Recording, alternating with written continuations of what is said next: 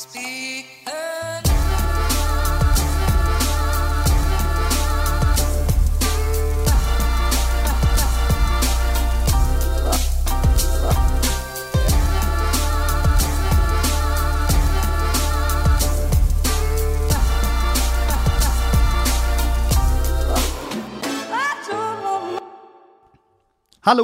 og velkommen hit til Klagemuren. Mitt navn er Kevin Kildahl. Det er 20. september, klokka mi er 08.34. Jeg er på han, tidlig på han. og det er ikke sånn at jeg sto opp 08.30 og så spurte jeg inn på kontoret her og begynte å spille inn. Nei, jeg har vaska kjøkkenet, jeg har hatt en eh, Hatt noe såpass sjelden som en kjempefin morgen med og Julianne. Um, de og de, eh, det skal litt til for at de morgenene våre blir fine sammen. Det er fordi at jeg våkner gjerne eh, usikker og needy. Altså, det vil eh, si at det er en puny, en puny liten sjel som trenger ja, kjærlighet. Klem og suss og holde rundt med og si at det er fin og gjør det trygg i livet. Men så Julianne gjerne våkner med et litt annet lynne. Altså, der er en liten Der er et Der er ei mark imellom oss om morgenen, og den er ganske svær. Men i dag var den eh, helt strålende. Helt nydelig.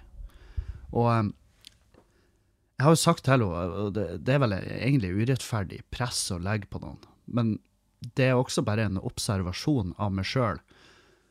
Og den observasjonen går ut på at eh, når hun har en, en dårlig morgen, så, så tar jeg på meg den dårlige morgenen. Og så går jeg gjerne og har den dårlige morgenen på vegne av hun litt lenger utover dagen. Men jeg kan ikke legge den type press på henne. Det, det, altså, nå snakker jeg. Nå, eh, nå reflekterer vi. Nå bruker vi det vi har lært på det her terapikurset vårt. Men altså, jeg kan jo det, Jeg må ikke kvernetenke hvis hun er, hvis hun er gretten på morgenen. At hun er gretten på morgenen, det tror jeg jeg prata om for første gang for ja, fem år siden, når jeg møtte henne. Og, så det kan ikke jeg holde imot henne. Det må jo jeg bare lære meg å le med. Så det, så det er en del av mitt fokus, da. Ja, det er noe, da. Det, jeg vil jobbe med meg sjøl. Hvis du Looking at the man in the mirror. Ja, det er der vi er. Åh, tøysete om morgenen òg, men det er sikkert uh, på grunn av ikke fullbåren søvn. Altså um, Ja, skal, jeg skal prate om hvorfor. Kan jeg egentlig bare ta det med en gang, få det unna vei. Uh, I går så var jeg hos legen min, i min lekere. Uh, han heter Elias Ørnes. Flott lege. Flink mann. Og um, i går så hadde jeg booka en hurtigtime, og de tar jo De tar et kvarter. Det, det er noe nytt leger jeg begynte med. Sånn fast, sånn der drive-through-lege. Og så jeg måtte bare inn der. Jeg har dårlig tid. Han har dårligere tid enn meg, fordi at han har ting han skal gjøre. Jeg skal bare hjem. Men jeg kommer inn der, jeg vet jeg har et kvarter på meg, og så sa jeg bare Du, eh, la oss ikke kaste bort tid. Eh, tida, er, tida er knapp. Tid er en ressurs vi må se på som Ja, vi må se på det som en ressurs. Så her må vi bare smi. smi. Han bare ja, kjør, fyr løs, Kevin. Jeg tror han ble litt gira sjøl. Hva, hva kan det være? og da sa jeg bare til han at jeg har funnet en kul på den ene testikkelen min, og jeg vil gjerne at en fagmann skal se på den. Eller en fagkvinne. Jeg, jeg, bryr, jeg bryr meg ikke. Bare noen ha, som har litt mer peiling enn meg. Kjenn litt på den, gjerne tar noen bilder. Jeg vet ikke, jeg, jeg, jeg trodde det var sånn der Jeg har jo sett House, sant? Og det er sånn det er sånn det gjøres på sykehus, har jeg bestemt meg for. Men uh, det første de gjør der, er å ta en biopsy. Det skulle han ikke ha. Det, det sa han at det gjør vi ikke her, på kontoret her nå. Det, vi blir ikke å ta en vevsprøve av hva enn du har på testikkelen din. Eh, men han var enig. Der er, der er noe. Der er noe ekte ute på testikkelen, og, Og så var han sånn, hvor lenge har den vært der? Jeg, jeg vet ikke. Jeg er ikke flink nok til å følge opp det der og ta meg sjøl på ballene. Jeg, jeg trodde jo jeg var det, men, men så Så var det bare Nei, jeg vet faen. Jeg bare fikk en feeling at eh, jo, jeg hadde jo vondt. Vondt i ballene. Vondt i ballene, vondt når jeg pissa, vondt når jeg kom, vondt når jeg sto, og vondt når jeg satt. Og så satte jeg meg ned, og så tenkte jeg nå skal jeg, nå skal jeg kjenne. Nå skal jeg kjenne. Og da, og da observerte jeg at den venstre testikkelen virka litt større. Um, og så tenkte jeg OK, og det gjorde vondt, det var ubehagelig å gjøre, å drive på ta der nede. Men etter hvert da, så kjente jeg at det, der, der var vi. Og når jeg da satt alene naken i sofaen, bøyd over mitt eget skrotum og saumfart ballene, og fant den kulen. Så, så, så, var min første reaksjon Det var sånn Å! Å! Jeg, jeg, jeg fant den! Altså, jeg var, jeg var, faktisk litt oppspilt. Litt sånn Mandel i grøten-stemning. Jeg, jeg fant han, Jeg fant han, Og så demra det for meg at ja, men Kevin, det her er jo et Det er jo noe som er der som ikke burde være der. Uh, altså Uansett hva det er, så burde det ikke være der. Det var legen enig i. Men han var sånn Jeg tror det er en syste. Du skal ikke være du, du skal ikke være å Du må ikke miste søvn over det her. og så tenkte jeg Ja, men hvordan kjenner du forskjellen på en godarta og en ondarta uh, svulst utapå en centimeter med pungskinn til sammen? Jeg tippa det ja, sikkert en centimeter. Men jeg var sånn det kan jo det kan ikke du vite. Men jeg, jeg, tenker, jeg, skal ikke gå ut i en krangel. Jeg skal heller høre på han når han snakker, for at han har faktisk utdanna seg innenfor faget og er kronisk helsestressa. Um, og, og det jeg skulle jo Jeg hadde liksom en sånn Jeg hadde, jeg må ta en runde med meg sjøl i forrige uke. Fordi at jeg, opp, jeg oppdaga den på onsdag i forrige uke. Ja, onsdag Det eh, må være onsdag kveld, eh, ettermiddag. Og så um, kontakta jeg en kompis av meg som er lege. 'Hei, Anders. Tjene, tjene, bror.' Og han var sånn 'Ja, du må dra og få sjekka'. Det der er, det er vel den eneste tingen du må du må faktisk være våken eh, Ikke den eneste tingen, men, men, det er jo en av de tingene som kanskje tar livet av mest Det er vel den krefttypen som tar livet av mest mannfolk, som gir mening. Fordi at eh, Eller det, er fall, det gir i hvert fall mening at den krefttypen tar livet av flere mannfolk enn kvinnfolk. Det skjønner jeg. Um, men han var sånn Du må dra inn og få sjekka. Og så, var, så, tenkte jeg jeg reiser jo grytidlig i morgen til Stavanger. Og så, eh, så tok Jeg vet faen hvorfor Ja, altså, alternativet var jo å avlyse hele Stavanger-turen. Og jeg skulle være der fra torsdag til søndag. Og da var det allerede lagt, eh, lagt en del penger i, i turen i seg sjøl, men så var det jo også at jeg får jo betalt for de showene, og, eh, og jeg var sånn Ja, jeg kjørte mange runder med meg sjøl. Hvordan skal jeg løse det her? Men jeg, jeg tenkte ja, vi tar det på mandag. Vi, vi tar det på mandag. Fordi at hvis jeg ikke reiser nedover og tjener de pengene, så, så kan jeg like gjerne dø. så, så, jeg tok den. Og det gikk for så vidt greit nede i Stavanger, sånn Og nå tenker jeg bare sånn tankemessig. For jeg, jeg tok da jo selvfølgelig med i beregninga at faen, skal jeg liksom skal jeg reise til Stavanger og miste masse søvn overfor, på grunn av den kulen jeg har? Og det gjorde jeg ikke, vil jeg si. Men det kan være på grunn av Det kan være Vi festa jo. Det var festival, sant. Så det, og det her er en flott festival arrangert av Comedy Box i Stavanger. Med Kjetil Melkevik med roret. Godt jobba, Kjetil. Jeg er veldig glad i han Kjetil. Han er, han er en Han er altså faen meg en bare en herlig, herlig klump av profesjonell eh, Altså veldig proff fyr. Og han begynte begynt, eh, lenge etter meg, vil jeg si, med standup, men, men han har bestandig bare vært en veldig sånn eh, Veldig ordentlig fyr. Tar bare, tar bare tak i ting. Og ja, så han har litt mer kontroll på livet sitt enn jeg har. Det, I den grad det er en meritt. Men, men ja, så nedover dit Og da når jeg kom hjem, så, så åpna jeg, så åpna jeg den slusa. For en dag Sørås, vi reiste hjem samtidig på søndag, så vi satt jo og drakk på flyplassen i Stavanger, og så satt vi og shotta hvitvin på flyet fra Stavanger til Oslo. Og på den, på den, turen der så kom vi i prat om det. Egentlig bare generelt om helseangst og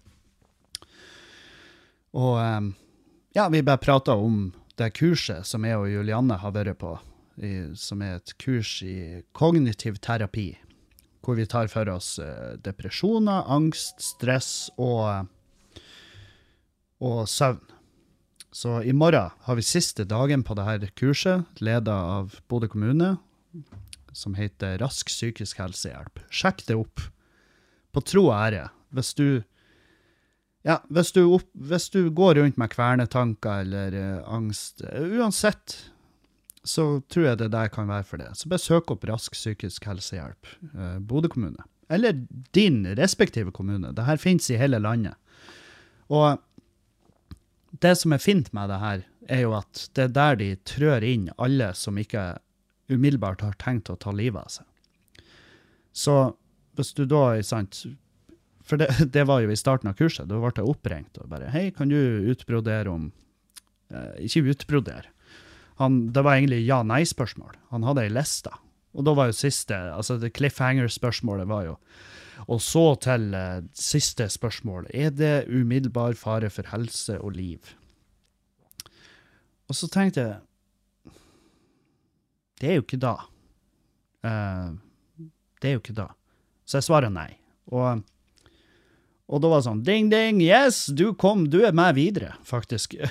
Den type stemning. fordi at uh, hvis jeg hadde svart ja, så hadde, så hadde, det kurset det hadde, ikke, det hadde ikke vært tilstrekkelig. Hvis, de kan ikke ha inn suicidale folk der, fordi at det her er Ja, det er bare nivået under.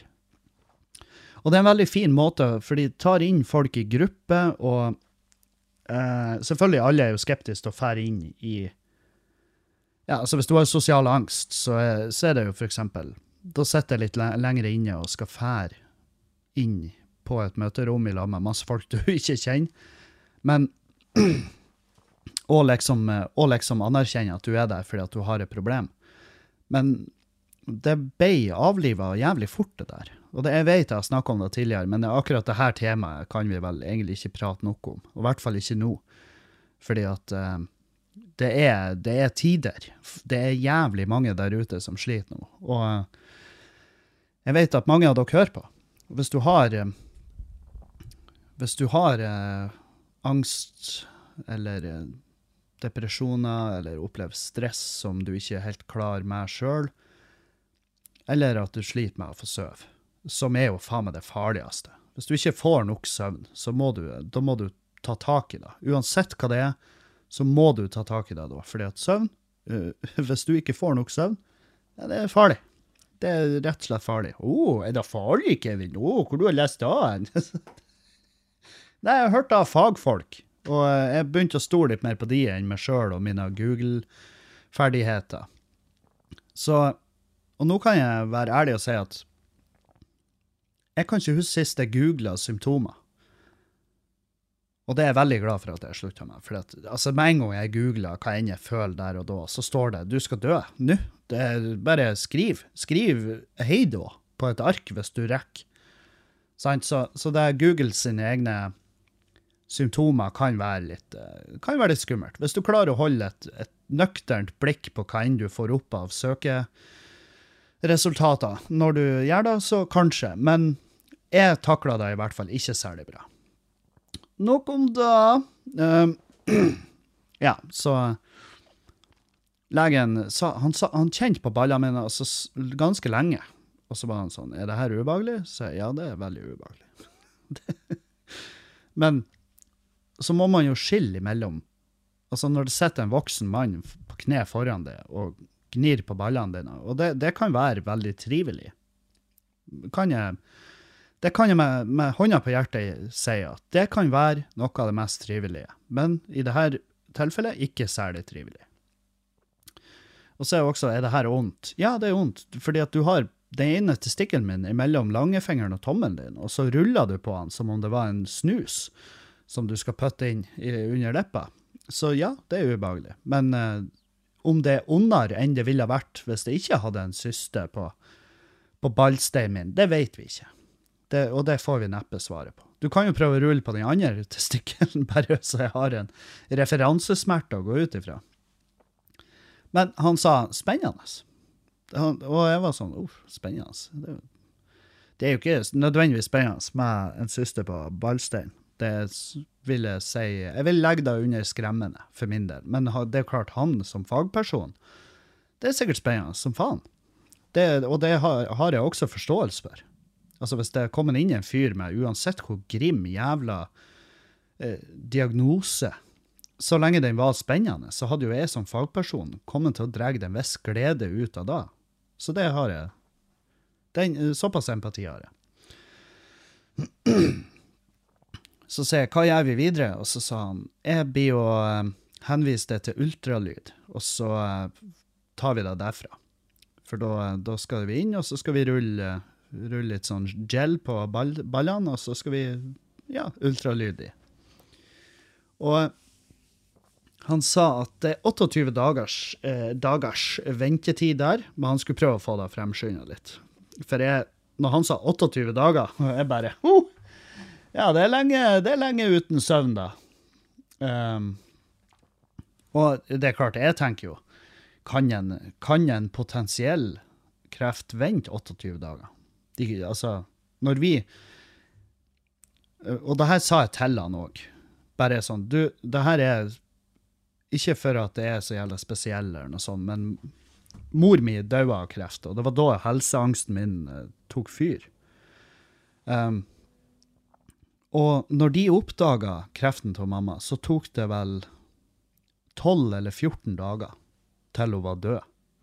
Så, eh, så det Så jeg tenkte 28 dager, ja. ja. Nei, det, da I verste fall så er jo jeg gravlagt. Men altså det, Og jeg jossa, jeg kødda om det allerede. Og eh, jeg, jeg har sovet greit i natt. Jeg, hadde, jeg var litt sånn Jeg hadde noen runder i går når jeg kom hjem fra legen, og, og eh, jeg var sånn her Jeg håper han får fremskynda det til i morgen, liksom. Men så, så, jeg hadde en periode der jeg gikk rundt i huset og bare svetta og uh, tenkte faen, jeg, jeg, jeg, kan ikke. Jeg kan ikke sette meg ned og bare ta, ta utgangspunkt i at, at jeg har kreft. I, I, hvert fall når han Når legen sjøl sier at jeg, jeg, jeg tipper det er en syste. Men uh, ja, nei, så, uh, så, jeg prøver jo ikke å tenke så mye på det. Men det hadde vært unaturlig hvis jeg skulle komme på her og, og ikke Ja, og ikke nevne det. Jeg hadde jo med meg podkastutstyret ned til Stavanger. Jeg skulle begynne å spille inn en podkast på lørdag der. Og um, og da, og da havna jeg i en sånn der da, Jeg tror jeg tok opp 40 minutter som jeg bare kasta. For jeg, da merka jeg at det var dagen derpå. Um, og da kan, jeg, da, da kan, jeg, være litt mer rufsete i psyken, som de aller fleste. Hvis du, en, hvis du, har en, markant dagen derpå, og kan med hånda på hjertet påstå at du er den samme personen som du er ellers i uka, vel, da drikker du hele tida, eller så lyver du. Det er en av de to. Uh, og jeg drikker ikke hele tida, men uh, det føltes litt sånn i helga. For jeg, jeg for nedover på torsdag, og det var høy glassføring til jeg for hjem. Men når jeg satte meg ned og prøvde å spille inn podkasten på lørdag, det var altså dark shit. Jeg var sånn her Helvete, jeg kan ikke slippe den episoden der etter den forrige. For den forrige episoden jeg slapp, er jeg jævlig fornøyd med. Veldig, veldig glad i den. Mens den Mens det skittet jeg spilla inn på lørdag der på det hotellrommet mens jeg satt og mens jeg satt og rista og tenkte på For da tenkte jeg på ballene mine, og da tenkte jeg på um, ja, masse annet òg. Som, uh, som viste å være illegitime tanker. Altså tanker som som eh, bare rett og slett ikke stemmer. Altså, fordi at når vi begynner å kverne på et tema eller noe som bekymrer oss, og alt det her, nå blir jeg veldig terapiete av meg, men, men uh, det får dere bare tåle et par uker. Men jeg tar, jeg tar, jo meg sjøl ut på sånne tankespill, og det gjør jeg Mye av det er fordi at jeg har, har litt angst, men også mye av det er jo fordi at det, det, er jo det jeg gjør i jobben min som komiker. Det er jo å kverne. altså det er jo å ta ethvert tema, enhver situasjon jeg har opplevd, og så er det bare å, å, analysere de. Ikke bare er det noe gøy her, men er det noe som kan holde interessen til et publikum på en plass. ikke sant? Så derfor, når jeg reflekterer og i tillegg er i dårlig form og gjerne litt nedfor, så, så blir det dark. Det er bare å, det er bare å glemme det. Og jeg, og jeg liker at jeg har um, Hvordan skal jeg formulere den setningen? Ja, altså Jeg er veldig glad for at jeg begynte å heller bare ikke legge ut episode no, av den poden her når jeg ikke på en måte, når jeg ikke er i slaget, at jeg ikke har lyst, hvis dere skjønner. For i det sekundet jeg føler det som et ork, så er det, så er det arbeid. Og og det er ikke nødvendigvis negativt at jeg har arbeid å gå til, men når jeg er nedfor altså sånn der, jeg har mye kvernetanker og sånn, så burde jeg egentlig bare gi faen i å spille inn en pod. Fordi at for det første, det må være uh, ekkelt for noen av lytterne å høre på at noen sitter og er så jævlig umåtelig dark, uh, og gjerne også at jeg dokumenterer hvor irrasjonell jeg kan være i tankegangen min som kan være greit å høre tilbake på og bare Jesus, ja, men jeg trenger ikke bevis. For jeg har bevis nok i hverdagen. Jeg trenger ikke en podkast som, eh, som, på en måte dokumenterer hvor, hvor eh, dårlig jeg kan være, hvor sjuk jeg kan være fra dag til annen. For det er virkelig Jeg må bare innrømme, altså bare si det rett ut. Der er dager der eh, jeg er skikkelig dårlig. Det er dager der jeg ligger og Ja, og ikke får gjort en drit. Jeg får Altså, jeg klarer virkelig ikke å mønstre det grann lyst eller energi til å få gjort en jævla drit. Og det er gjerne de dagene jeg har mest arbeid. og, de, og, de, dagene så er det Da er det, da er det røft. Men eh, veldig mange av dere vil jo nå sitte og høre på det her og tenke ja, jeg kaller det for livet.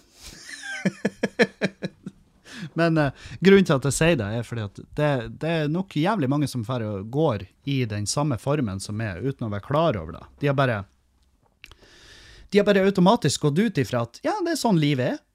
Det her er livet. Jeg har signa opp for å delta, og jeg må vel bare bite meg fast så lenge så det holder. Men i veldig mange tilfeller så tror jeg at folk kunne, kunne hatt eh, kunne hatt mye hjelp i å bare ja, lære seg de her teknikkene for å, å endre tanke, tankerekke og alternativ tenking og konklusjon ut ifra hva det er slags situasjon du er, står i. Og bare etter de fire altså det var, I meg i morgen så hadde det vært fire samlinger på det her kognitiv terapi-greiene. og og bare det å ha vært der, og bare det å ha hørt og lært Bare få teknikker, så har livet mitt blitt bedre. Og bedre i den forstand det, det, er liksom Problemene er jo ikke borte. Altså, de problemene jeg går og stresser for, og økonomi og flytting og alt det her, det, de er jo fortsatt der. Poenget med hele kurset er jo ikke å fjerne da, sjøl om det har vært helt nydelig hvis det var sånn ja, når, hvis du møter opp fire ganger på det kurset, så, så bare casher vi inn gjelda di, og så gir vi det en frisk start. Det har jo vært amazeballs. Altså, jeg er villig til å selge kroppsdeler for å bli kvitt gjelda mi, men Men eh, Hva var det jeg skulle si? Nå ble det throwa off her. Og jeg, jeg, skal, jeg skal fortelle hvorfor. Men Nei, altså, det har jo vært deilig da, men hele greia med det kurset her er jo at du skal få verktøyene til å takle problemene dine. I stedet for å legge det med hodet ned i puta og rope høyt, eller sette i bilen og slå i rattet og ikke veit hvorfor du sier de tingene du sier. Um, og uh, jeg, jeg syns det er artig. En ting jeg syns er artig med meg sjøl, er hvor jævlig Hvor mye jeg responderer på enkel sånn her så, uh, så- Det jeg kaller sånn Instagram-quotes. Og eh, i det kurset så sa de der eh, Hva var det de sa?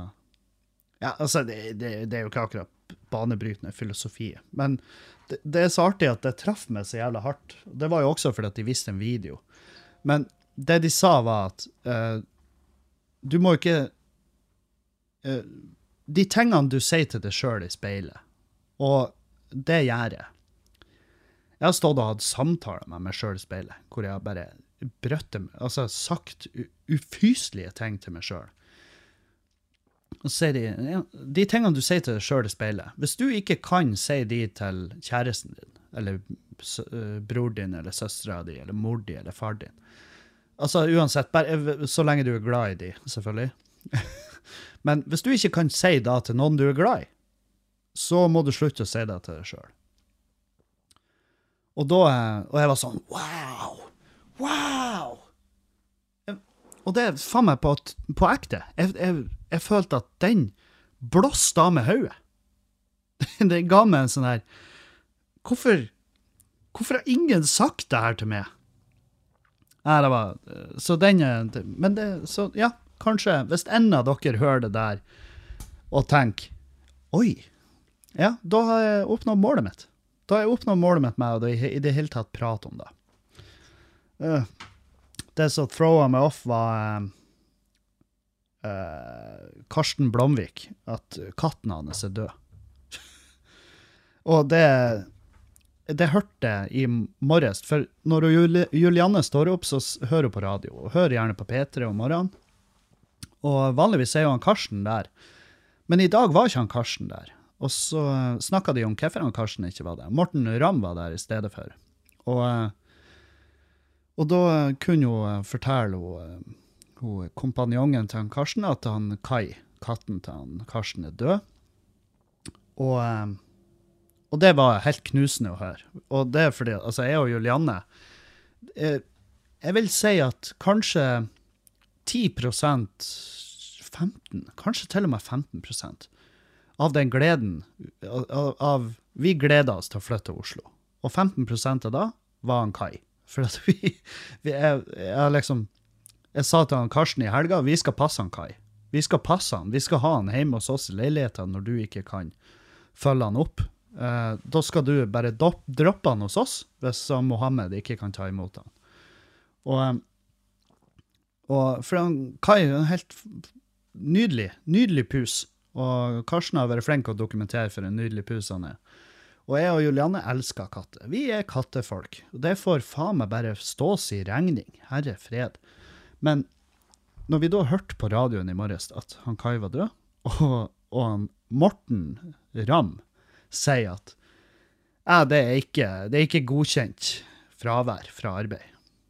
Og, eh, og så bare trivialiserer han. Og så bare får da han, bare går ut på et spil om eh, hvor ubetydelig en kattedød er. Og, og jeg, jeg, var, jeg var sur. Julianne var Julianne var frådende. Hun var så Var sånn Faen, jeg hater han Morten Ramm. Og jeg var sånn Jeg, jeg kjenner han ikke. Men uh, det her er Altså det er ikke sånn at når jeg møter Morten, for det blir jo å skje når vi kommer nedover til Oslo. Jeg blir jo å gå med på Morten. Jeg står på Njø ofte, og, men akkurat der så er jeg og Morten Ramm diametralsk uenige. Altså, vi er motsatt som faen der. Det er helt uh, jeg var, Den logikken der. Din, din gamle gubbkuk, hold kjeften din! La nå han Karsten være lei seg hvis katten er død. Det må da for faen meg være det mest elementære av Er det ikke menneskerettighet å få lov å være hjemme og sørge over tapet av samboeren sin? For, og i hvert fall i Karstens tilfelle, han bor alene i, la, i Laman Kai, og nå er han alene. Så jeg ble faen meg, jeg ble helt knust. Jeg ble ødelagt. Så jeg sendte melding til han og bare Dude, det her er knusende å høre. Og han takka for det. Og uh, nei, så ja. ja. OK. Da har vi uh, gått gjennom sorg, katt, kattedød. Um, jeg har vært Og det, jeg snakka jo i forrige, forrige episode om at vi at vi hadde et dødsfall i nær, i nær krets. Og um, nå er det jo såpass offentlig ute der at, at uh, Og det er da snakk om Camilla Bloch, som er, var ei kjempeflott flott jente med masse greier. Men, ja, men humpete humpet vei gjennom livet. Og, eh, og også kjent som eksen til han Dan. Og ja, du kan si eh, vi, vi hadde liksom bare Vi hadde med hverandre å gjøre hele pandemien. Fordi at eh, det var jo da hun og Dan var i lag, og vi drev ned puben, og da var liksom jeg, Dan og Camilla og Julianne var, Vi var liksom tidvis et sånn der firkløver. Og ikke noe, ikke noe sånn, men bare gode venner som uh, festa og beit seg fast gjennom pandemien og bare ville overleve det hele. Og, um, og det, vi tok det. Vi tok det jævlig tøft. Vi tok det drittungt. Og, og det Altså, fordi at vi hadde ikke den eh, Vi hadde ikke det forholdet og den kontakten vi burde ha hatt, kan du si, i, mot slutten der. Så det føltes, eh, det føltes eh, blytungt å få den beskjeden, men, eh, men eh, det er hva, hva faen kan man gjøre? Så, der. Da har vi kverna gjennom. eh, Jeg skal ikke bruke så mye tid på, på, det, på det trasige, men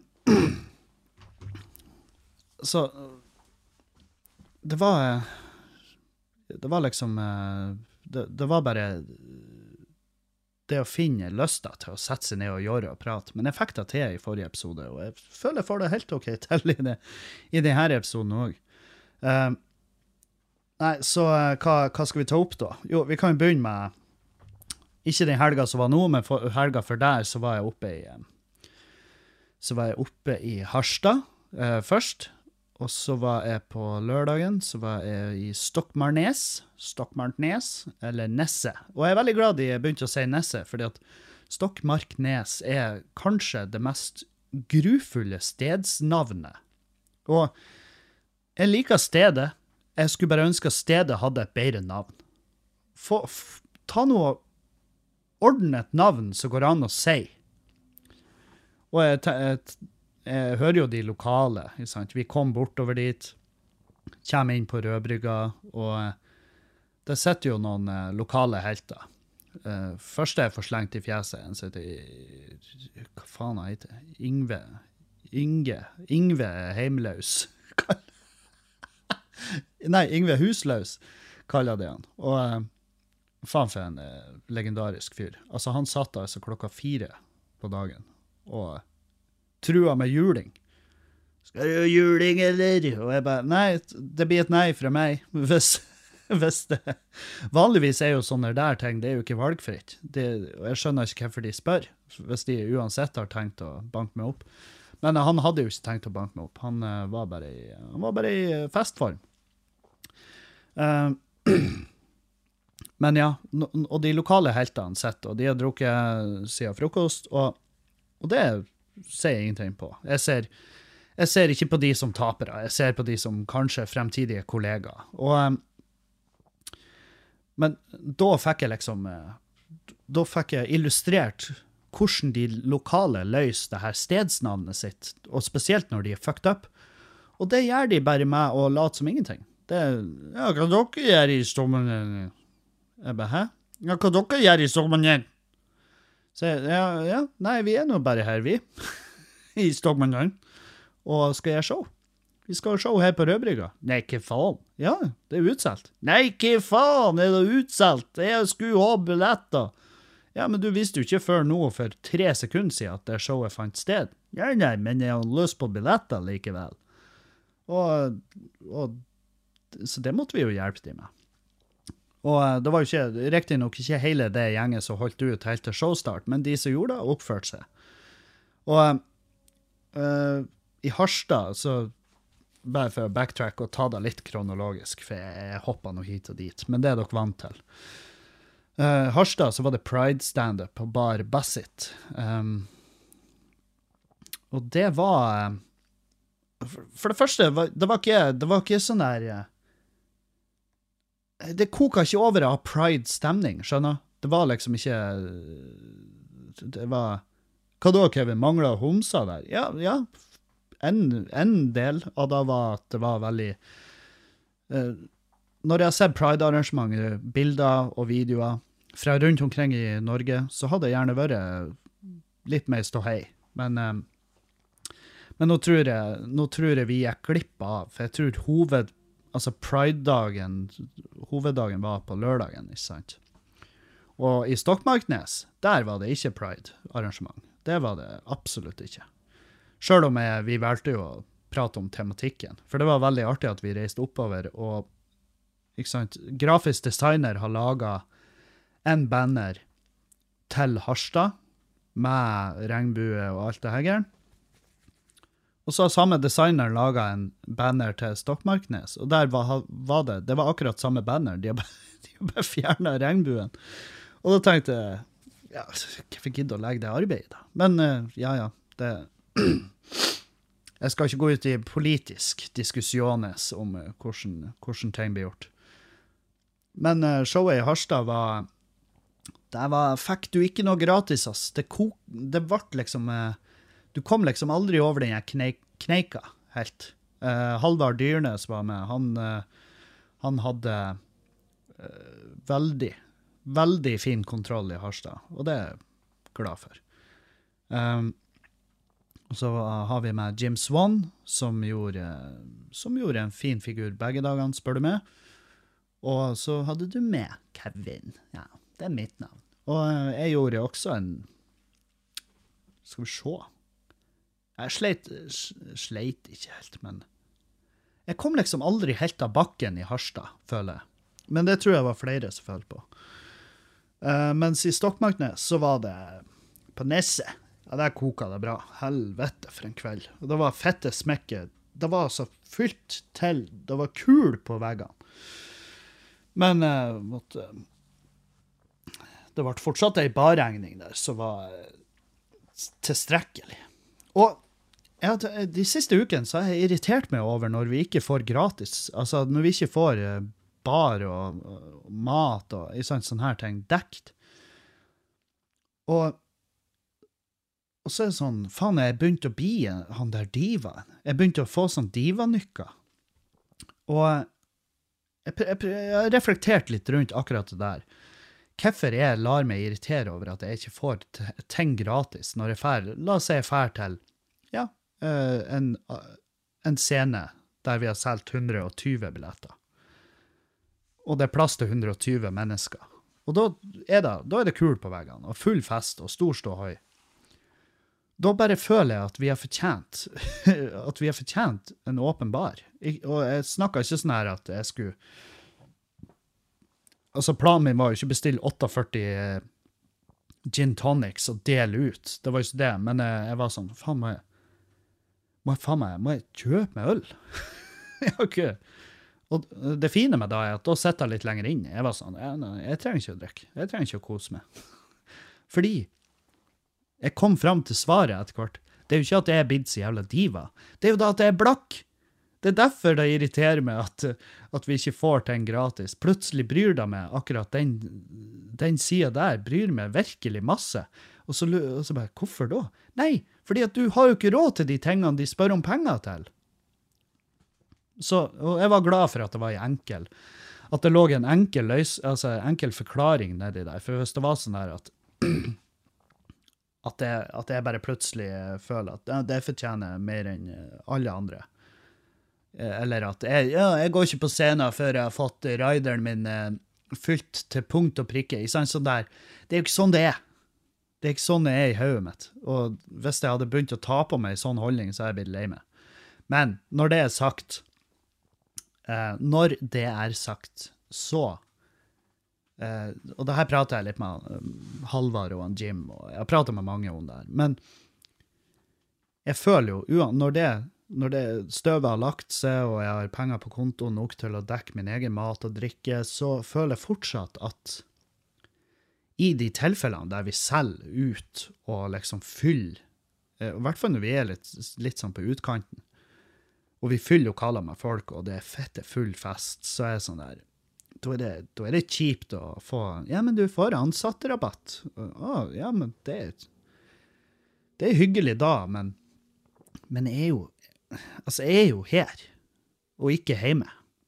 Som, altså, eh, det har vært mer behagelig sånn rent komfortmessig, så hadde det vært mer behagelig å være hjemme. Jeg har reist helt hit, kjørt hvor, mange timer i bil, ferge, faens oldemor, ligger i en 70-seng på hotell ut, som ikke har mat.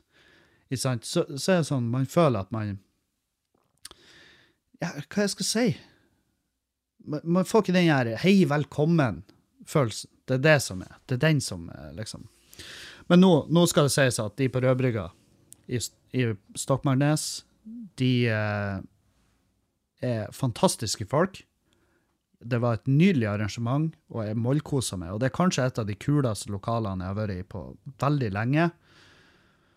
Og, og det var ikke gjort en avtale på forhånd. Det er det som er, ikke sant? Er, det er en av nøklene. Det er det her at når det ikke er gjort en avtale på forhånd, så, så er det veldig vanskelig å, å liksom skulle opprette en avtale i full fart der og da. Men eh, ja, nei, jeg, jeg betalte noen regninger og ble fette horblakk, for jeg drakk og kosa meg i, på Rødbrygga. Men jeg, eh, når jeg betalte regninga, så angrer jeg. Da var jeg sånn, det her kunne jeg spart meg. Det, ja, jeg angrer på at Jeg angrer på at jeg satt igjen etter showet, fordi at eh, Både og eh, Ja, både og. Fordi at vi satt igjen etter showet og hadde en virkelig en runde med Meet the Locals. Og på et tidspunkt der så ble jeg slått. Jeg, jeg ble slått i, først i hånda og så i skuldra av en enarma mann.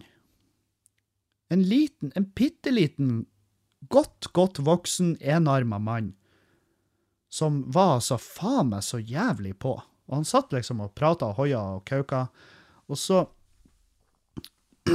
Og så eh, hadde jeg og han diskutert noe, og så bare sa jeg du, vi er nå bare enige om at vi er uenige om det. Det er jo ikke, er ikke noen krise. Og så bare tok jeg fram handa mi som en sånn fistbump. Sant? bare Hei, Knuckles. Og så slo han meg på knytta neven min med den gjenværende handa. Han bare fitta til knyttneven min. Og jeg var sånn Au! Au! Det var Hvorfor Hæ? Det var jo fettvondt! Og han bare Det må være lov med litt. Litt knuffing er lov. Og så slo han meg rett i skuldra. Og det her er en fyr som har levd hele sitt liv uten den andre armen. Det vil si at den armen han har igjen, den er faen meg sterk. Den er altså Det det er jo armen. Det er arm N. Det er den armen han har. Og selvfølgelig er den dritsterk. Og det var, det var sånn her Det var vondt. Vondt. Og jeg, jeg, jeg husker jeg ble sur, og så sa jeg bare hvis, Jeg bare Hva var det jeg sa? Dude, jeg river av deg den siste armen.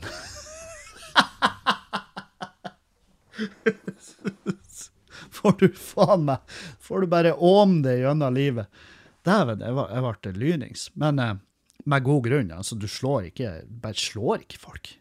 Eh, Uansett hvor mye du trivialiserer Men det må, det må være lov med litt knuffing. Litt knuffing er nå greit. Er det ikke det? Jo da, det går nå greit. Nei, det går ikke greit. Slutt å slå. Vær snill. Vær en hyggelig dude, liksom.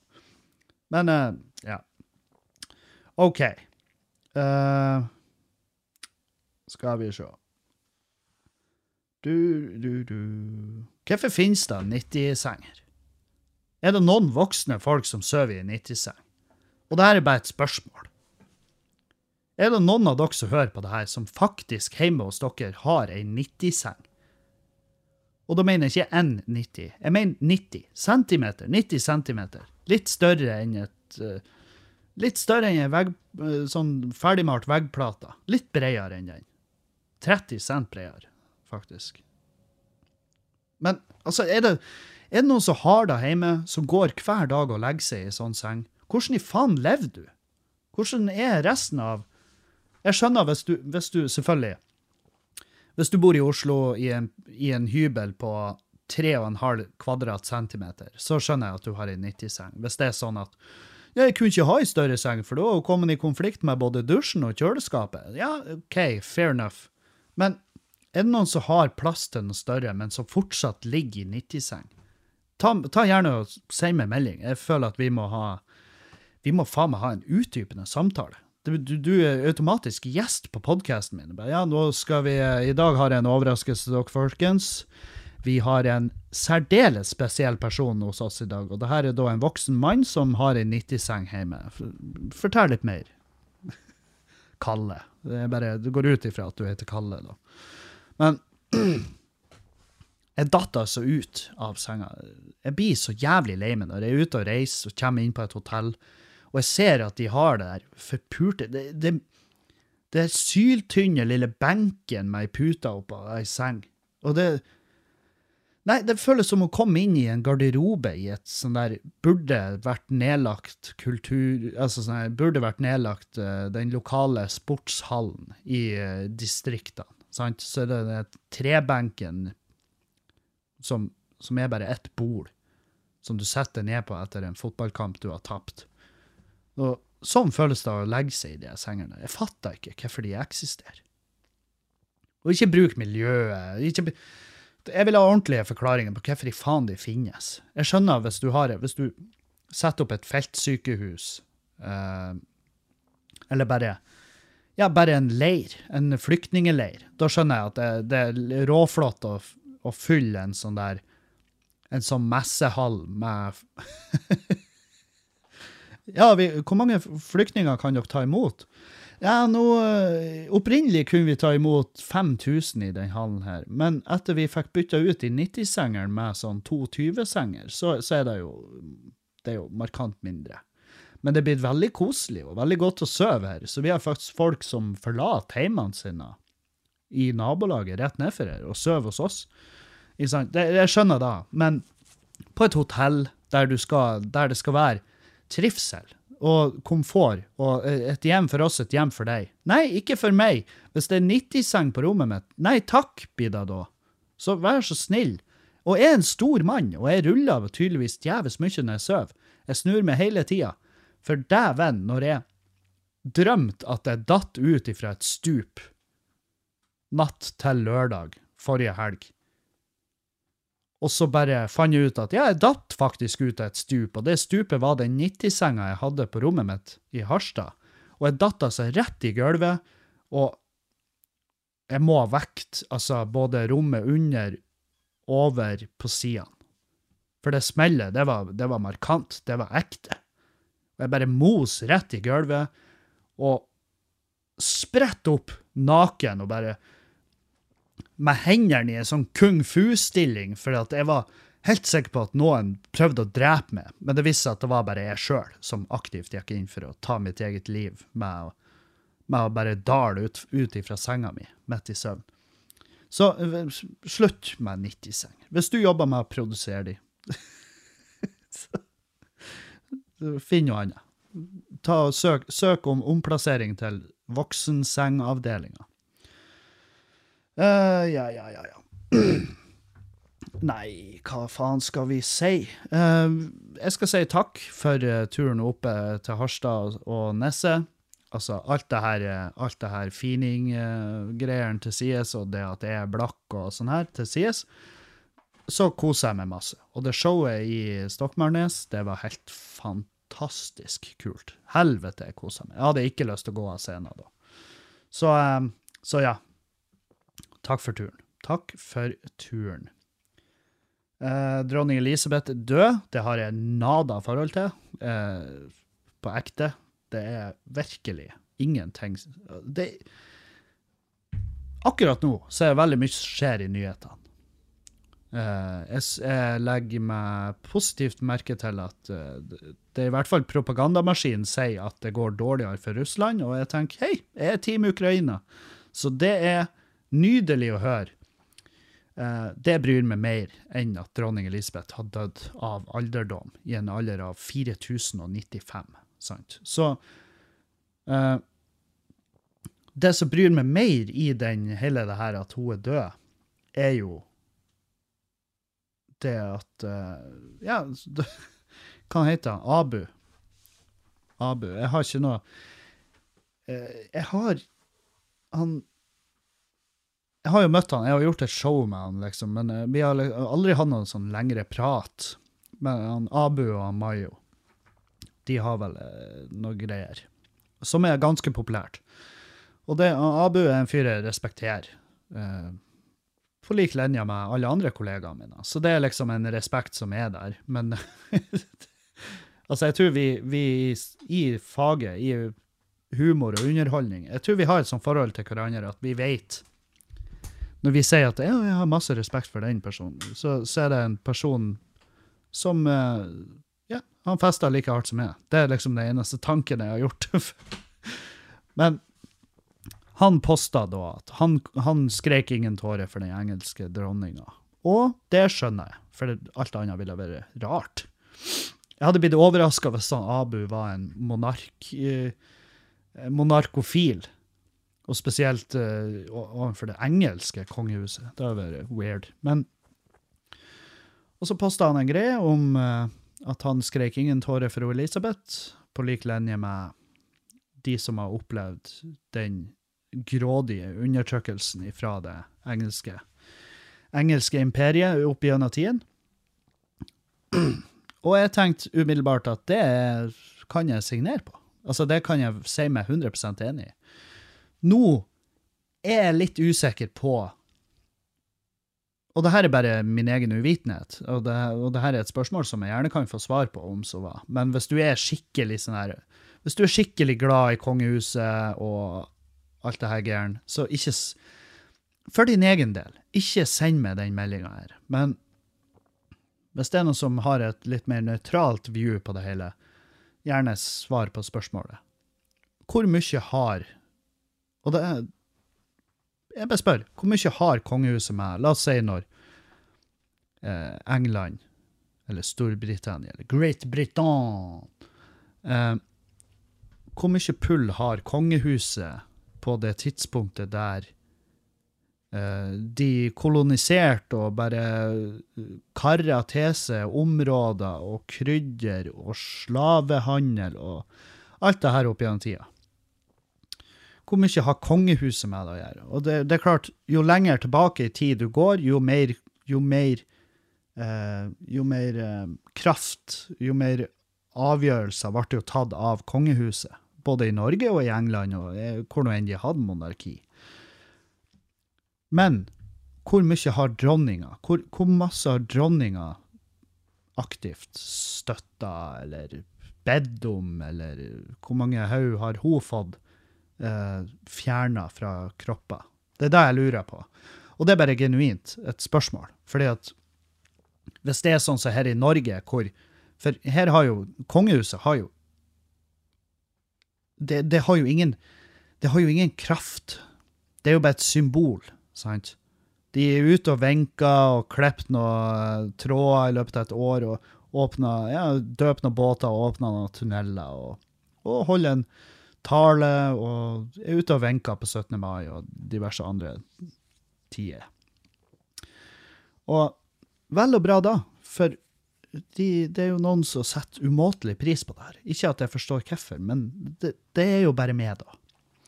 Men i Norge så har jo kongehuset nada å si. Oss, på avgjørelser som blir tatt, så er det alt er formalia, sant? Det har jo ikke vært sånn at hvis kongen nå bare Nei, vet du, nå er det faen meg nok. Nå er det nok. Nå går vi inn, og nå, nå skal Norge inn og avgjøre hele den Ukraina-driten. Nå er jeg fette lei. Ja, om kongen har sagt det, så har folk vært sånn Ja, Er ikke han tøysete, han, da? Ja. Men uh, det, skal, det, det, det er ikke en avgjørelse kongen tar, sant? Og derfor eh, er, er det derfor eh, Altså, ja, nei. Det er spørsmålet mitt. Hadde dronning Elisabeth noen avgjørelser i, å ta når England var og grådig forsynt seg av resten av verden? Det er det jeg lurer på. Uh, OK. Ja. Hudpleie. La oss ta opp temaet. Det er veldig i vinden, og ikke fordi at jeg har begynt med hudpleie, men, men uh, timingen er jo eh, Det må jeg ærlig innrømme, at den var fin. Her er greia. Jeg har ei venninne som heter Yvonne, og hun har starta en hudpleieklinikk i Bodø. Og um, den heter Joy Medispa. Og hun er utdanna da hudsykepleier, eller hva det er. Jeg skal ikke, jeg skal ikke begi meg ut på altfor mange sånne her, sånne her titler, for det er ikke så flink til. Men hun har i hvert fall eh, starta det firmaet sammen med en kompanjong av seg. Og Yvonne er herlig, herlig dame, og en jævlig proff dame.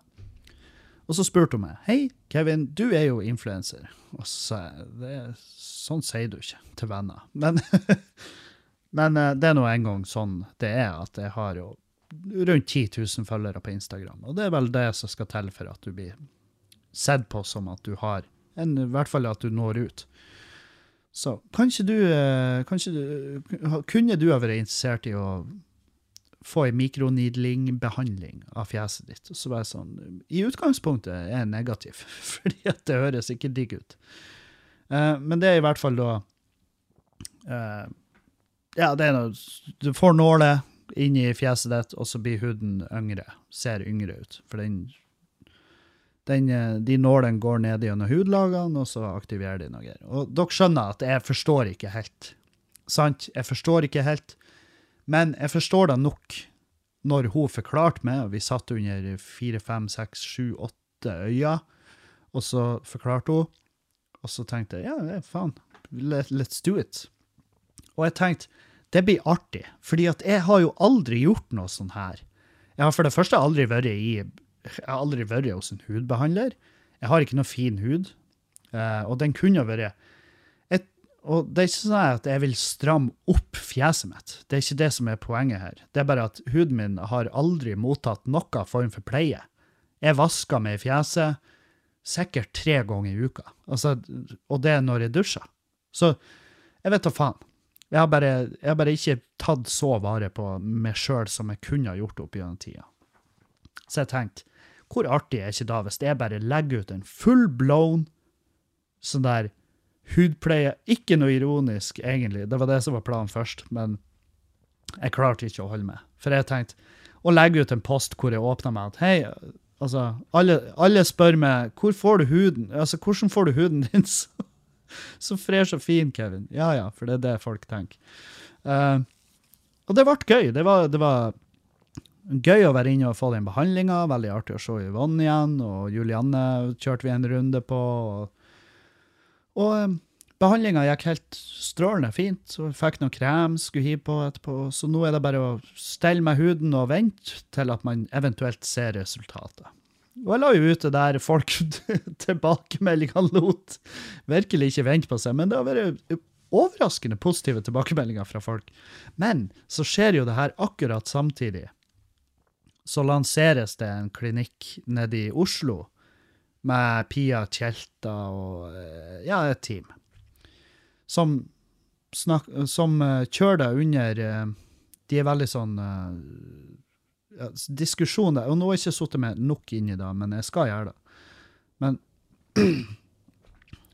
det, det reaksjonene går på, er vel at de fremmer Altså, de de markedsfører det som kvinnehelse. Altså det her er det her, Vi tar vare på helsa di.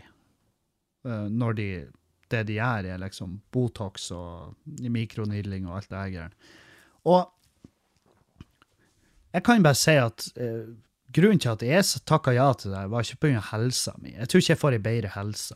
Det tror ikke jeg nødvendigvis. Jeg vet at hvis du ser fresh ut, og ser deg sjøl i speilet og sier oh, helleisen der', så fremmer det Altså, det Et bedre sjølbilde er bedre helse. Men det er veldig synd hvis man må opereres for å oppnå det. Og det føler ikke jeg. Jeg føler ikke at jeg, jeg må opereres for å oppnå noe bedre, bedre sjølbilde. Jeg ville bare ha ei tightere panne. Det var Jeg vil ha fi, finere hud, og det, det er jeg ikke lei meg for.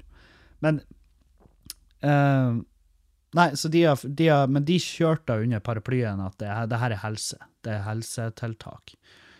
Og, uh, og det, tilbakemeldingen der har ikke latt vente på seg. Jeg så Lisa Tønne la ut. Faen meg. Ganske heftig demontering der. Og, uh, og jeg tenkte uff, det må være kjipt å ha jobba i månedsvis, og så og så uten at de vet det, så har de trødd i 12 000 salater før de i det hele tatt har lansert konseptet. Og eh, så er det trist for de. Men uh, det er ikke noen jeg kjenner, så jeg blir ikke å bruke noe energi på det. Det jeg kan bruke energi på, er liksom det her hos, hos Yvonne og, og um, kompanjongen hennes. Jeg husker ikke hva hun heter. Jeg tror det er Rebekka. Nå skal jeg ikke gjette for masse. Men det er i hvert fall på Joy Medispa.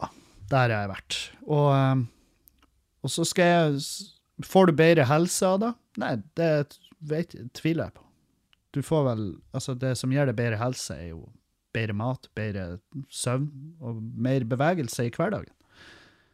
Og det at du har, er sammen med folk du er glad i, og folk som bygger det opp i stedet for å bryte ned, det er bedre helse. Det er bedre helse. Uh, hvis, du ha, hvis, du, hvis, du vil ha, hudbehandling, så kan du dra dit og gjøre det. Og det er vel det eneste jeg skal si. Eh, sånn. Er ikke det greit? Det her er, det, her er det, det, verste med det er jo at jeg må navigere et felt som jeg ikke har vært ute på før. Jeg har jo aldri gjort sånne sponsgreier. Eller aldri. Jeg har i hvert fall gjort lite. Og nå er det blitt veldig strengt sånn reglementer rundt det. Så jeg var sånn Å, herregud. Nå, Kevin, skal du gjøre det her, så må du ikke gjøre det feil sånn at du får bot ifra, ifra hva nå enn de heter, det, det utøvende organ der som tar, tar uh, influensere. I tillegg så var jeg sånn Jeg skal ikke få det til jeg, jeg, jeg, har ikke lyst til å få Mats Hansen på ryggen, liksom. Sant? Jeg har lyst til å gjøre jeg, jeg gjør gjerne et arrangement i lag med han, men jeg har ikke lyst til å havne ute med han.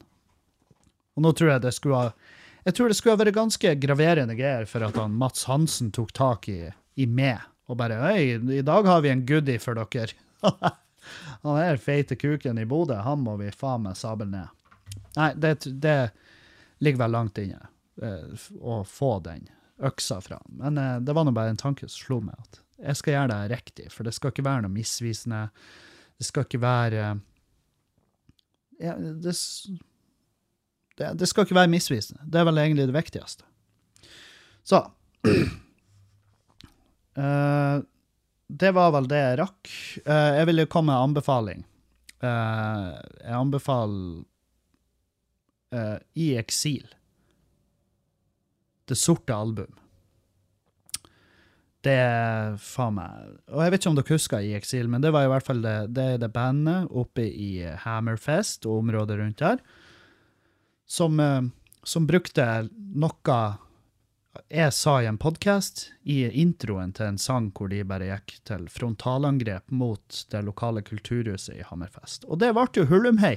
Det ble aviserier, og det ble eh, Det ble eh, kommentarer fra han som driver kulturhuset der, hvor han bare kjente seg ikke igjen i kritikken i det hele tatt. Og det var Jeg tenkte når han sa det, jeg kjenner meg ikke igjen i den kritikken her i det hele tatt, så tenkte jeg ja, men det hadde vi forventa. det hadde vært veldig rart hvis han plutselig bare Å, oh, nei, det, oh, herregud, det er sånn det oh, sånn det blir oppfatta.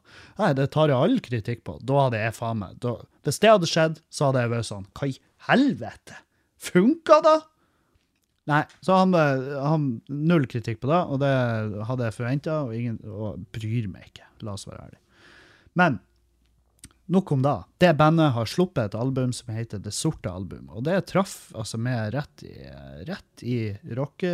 Og nå er det jeg er jo ikke så jævla rockete av meg. Det er sjelden jeg er i form til å egentlig sette på noe rockete musikk. Så der er vel jeg og Dag veldig forskjellig. For jeg, jeg beit meg merke i dag når vi reiste hjem i går, på flyet, så sa han jeg foreslår at vi bare snakkes når vi får servering. For det er jo det tidspunktet du setter ned i setet ditt, så har du jo ei tid der fram til at flyet tar av, kommer opp i marsjhøgde, beltelyset går av, og så kommer de og kjører med varer som vi kan benytte oss av. Det spennet imellom vi satte oss ned i setet og fram til vi fikk servering, det var da en Dag ville høre på musikk og ikke prate med meg, og den skjønner jeg. Og det var jeg for så vidt enig i. Jeg begynte å bli sliten av å prate. Men da hørte jeg, jeg hørte bare at han hører på ganske, ganske mye heftigere, heftigere musikk dagen derpå. Jeg er jo sånn der, det kan ikke bli nok Bon Iver. Altså, det må være altså, så fløyelsmykt og rolig for at jeg skal holde meg bare på stasjon. Så, så der er vi vel forskjellige. Men når jeg er i formen for å høre litt rock, dæven, det albumet der, det traff Jeg liker det. Jeg liker det. Det er bare sånn det er. Så all ære til I Eksil. Og hvordan skriver du I Eksil? Jo, du skriver det sånn som Apple ville skrevet det. Hvis de hadde et husband som heter I Eksil. Så er det en liten I, og så er det Eksil. EKSIL.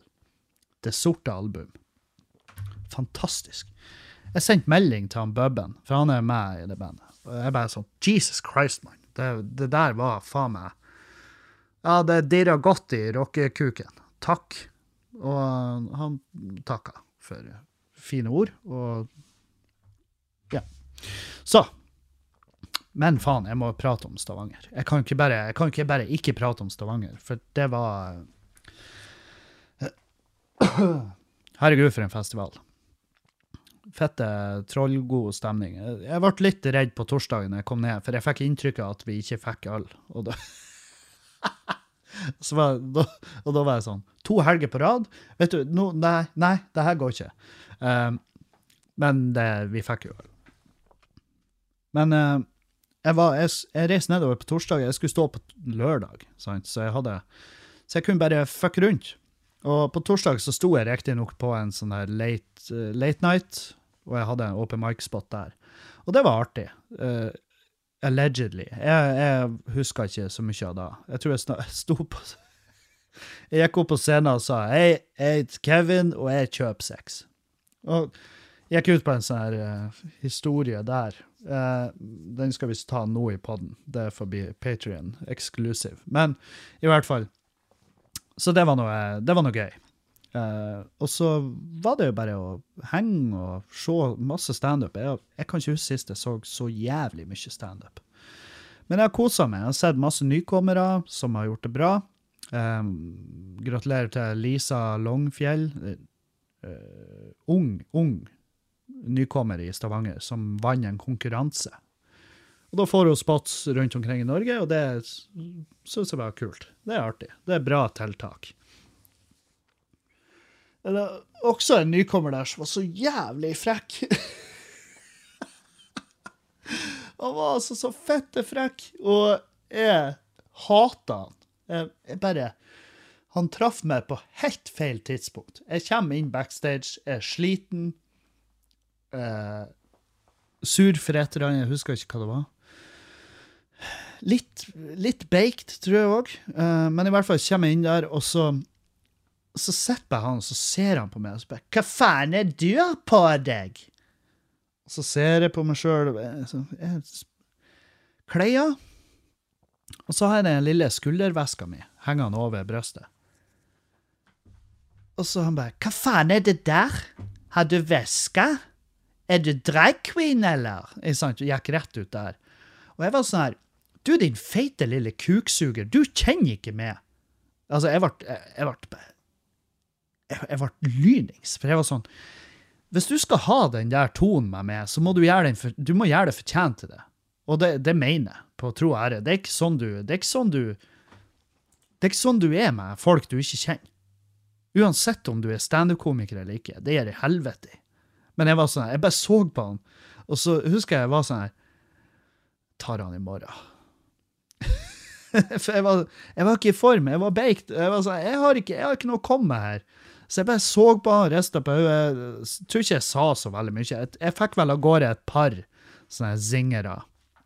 Men dagen etter så gikk jeg bare bort til han, og så Eller jeg gikk forbi han, så skulle han begynne å prate. Så jeg bare Du, ikke prate med.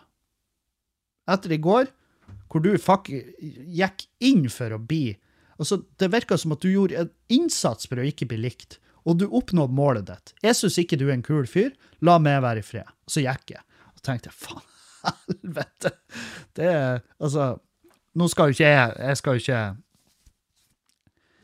Jeg skal ikke komme med noen teorier om hvor mye da gikk inn på han. Men jeg tror ikke det gikk så jævlig inn på. Jeg tror ikke det bryr han noe særlig. Om det bryr han, så ja, ja. Det får nå bare være. Men jeg blir ikke, jeg blir ikke å strekke ut ei hånd for å si unnskyld for at jeg, for at jeg tok meg nær av det han sa. Det, det, blir, litt, det blir litt weird. Eh, men eh, så var det faen meg, det var en annen nykommer der som sto på en late night, og han var altså faen meg Han var så jævlig ute. Uh, uh, han er ikke nykommer, han har gjort standup i flere år, men uh, liksom, han står stort sett bare i Stavanger, da. Men jeg så han i øynene, og så var jeg sånn Han her fyren, han er altså så fette ute. og da spurte jeg bare de andre, de som kjenner han, liksom, de som står der ofte, så var jeg sånn "Ha- Ser han sånn ut i øynene hele tida? De var sånn Nei, ja, han er jo litt intens i blikket. Bare, ja, men jeg kan bare fortelle dere at i min erfaring så er han fyren her, han er enten i en psykose, eller så er han på cola eller amf, jeg vet faen. Noe er det.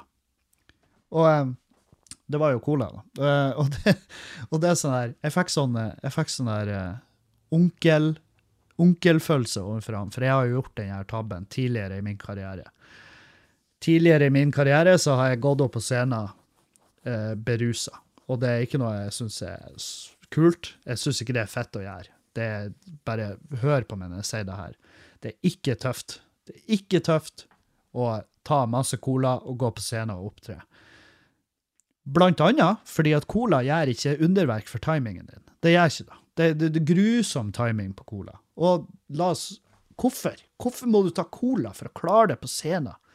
Ja, det, det er pulverforma sjøltillit, men jeg, vil, jeg liker ikke at det er For det er mange saker nå i VG, og oh, cola er blitt så vanlig. Ja, det Og det har det vært veldig lenge. Det har vært kjempevanlig kjempelenge. Og det er ikke for meg. Jeg, jeg er veldig stolt, egentlig. Jeg stolt. Stolt. Å, er du stolt, du da, Kevin? Du er så flink du er å holde unna drugs. Nei, jeg er jo ikke sykt flink å holde meg unna drugs, men cola, det har jeg faen meg Det har jeg en, en vill respekt for. Og jeg holder meg unna. Ja. Der måtte jeg sette på pause, for jeg ble oppringt, og jeg har fått time til røntgen. Røntgen? Hm. Det, det er et Ja, ja, ja. Nei, nei, de, altså røntgen, er ikke det bedre enn ultralyd? Jeg vet faen. De ringte i hvert fall fra den avdelinga. De gjør sikkert både òg, tipper jeg. Ja, jeg tipper det, da. Men ja, jeg skal ta affæra. Det blir den 3. oktober, og det, er, det var kortere enn jeg trodde. Det er mindre enn 28 dager, i hvert fall. Så det er jeg kjempeglad for. Så da skal jeg holde dere oppdatert på det. Eh, jeg beklager at det ikke ble noe antireklame i dag, men jeg har ikke fått noen tips om hvem jeg skal lage antireklame til. og jeg har vel egentlig ingen firma jeg har vært sur på i det siste, så, så ja. Det, den tråden tar jeg opp når, jeg, når det er naturlig, ikke når det føles påtvunget. Tusen hjertelig takk for følget. Vi høres igjen. Asap Zulu, adjø, adjø og auf Wiedersehen.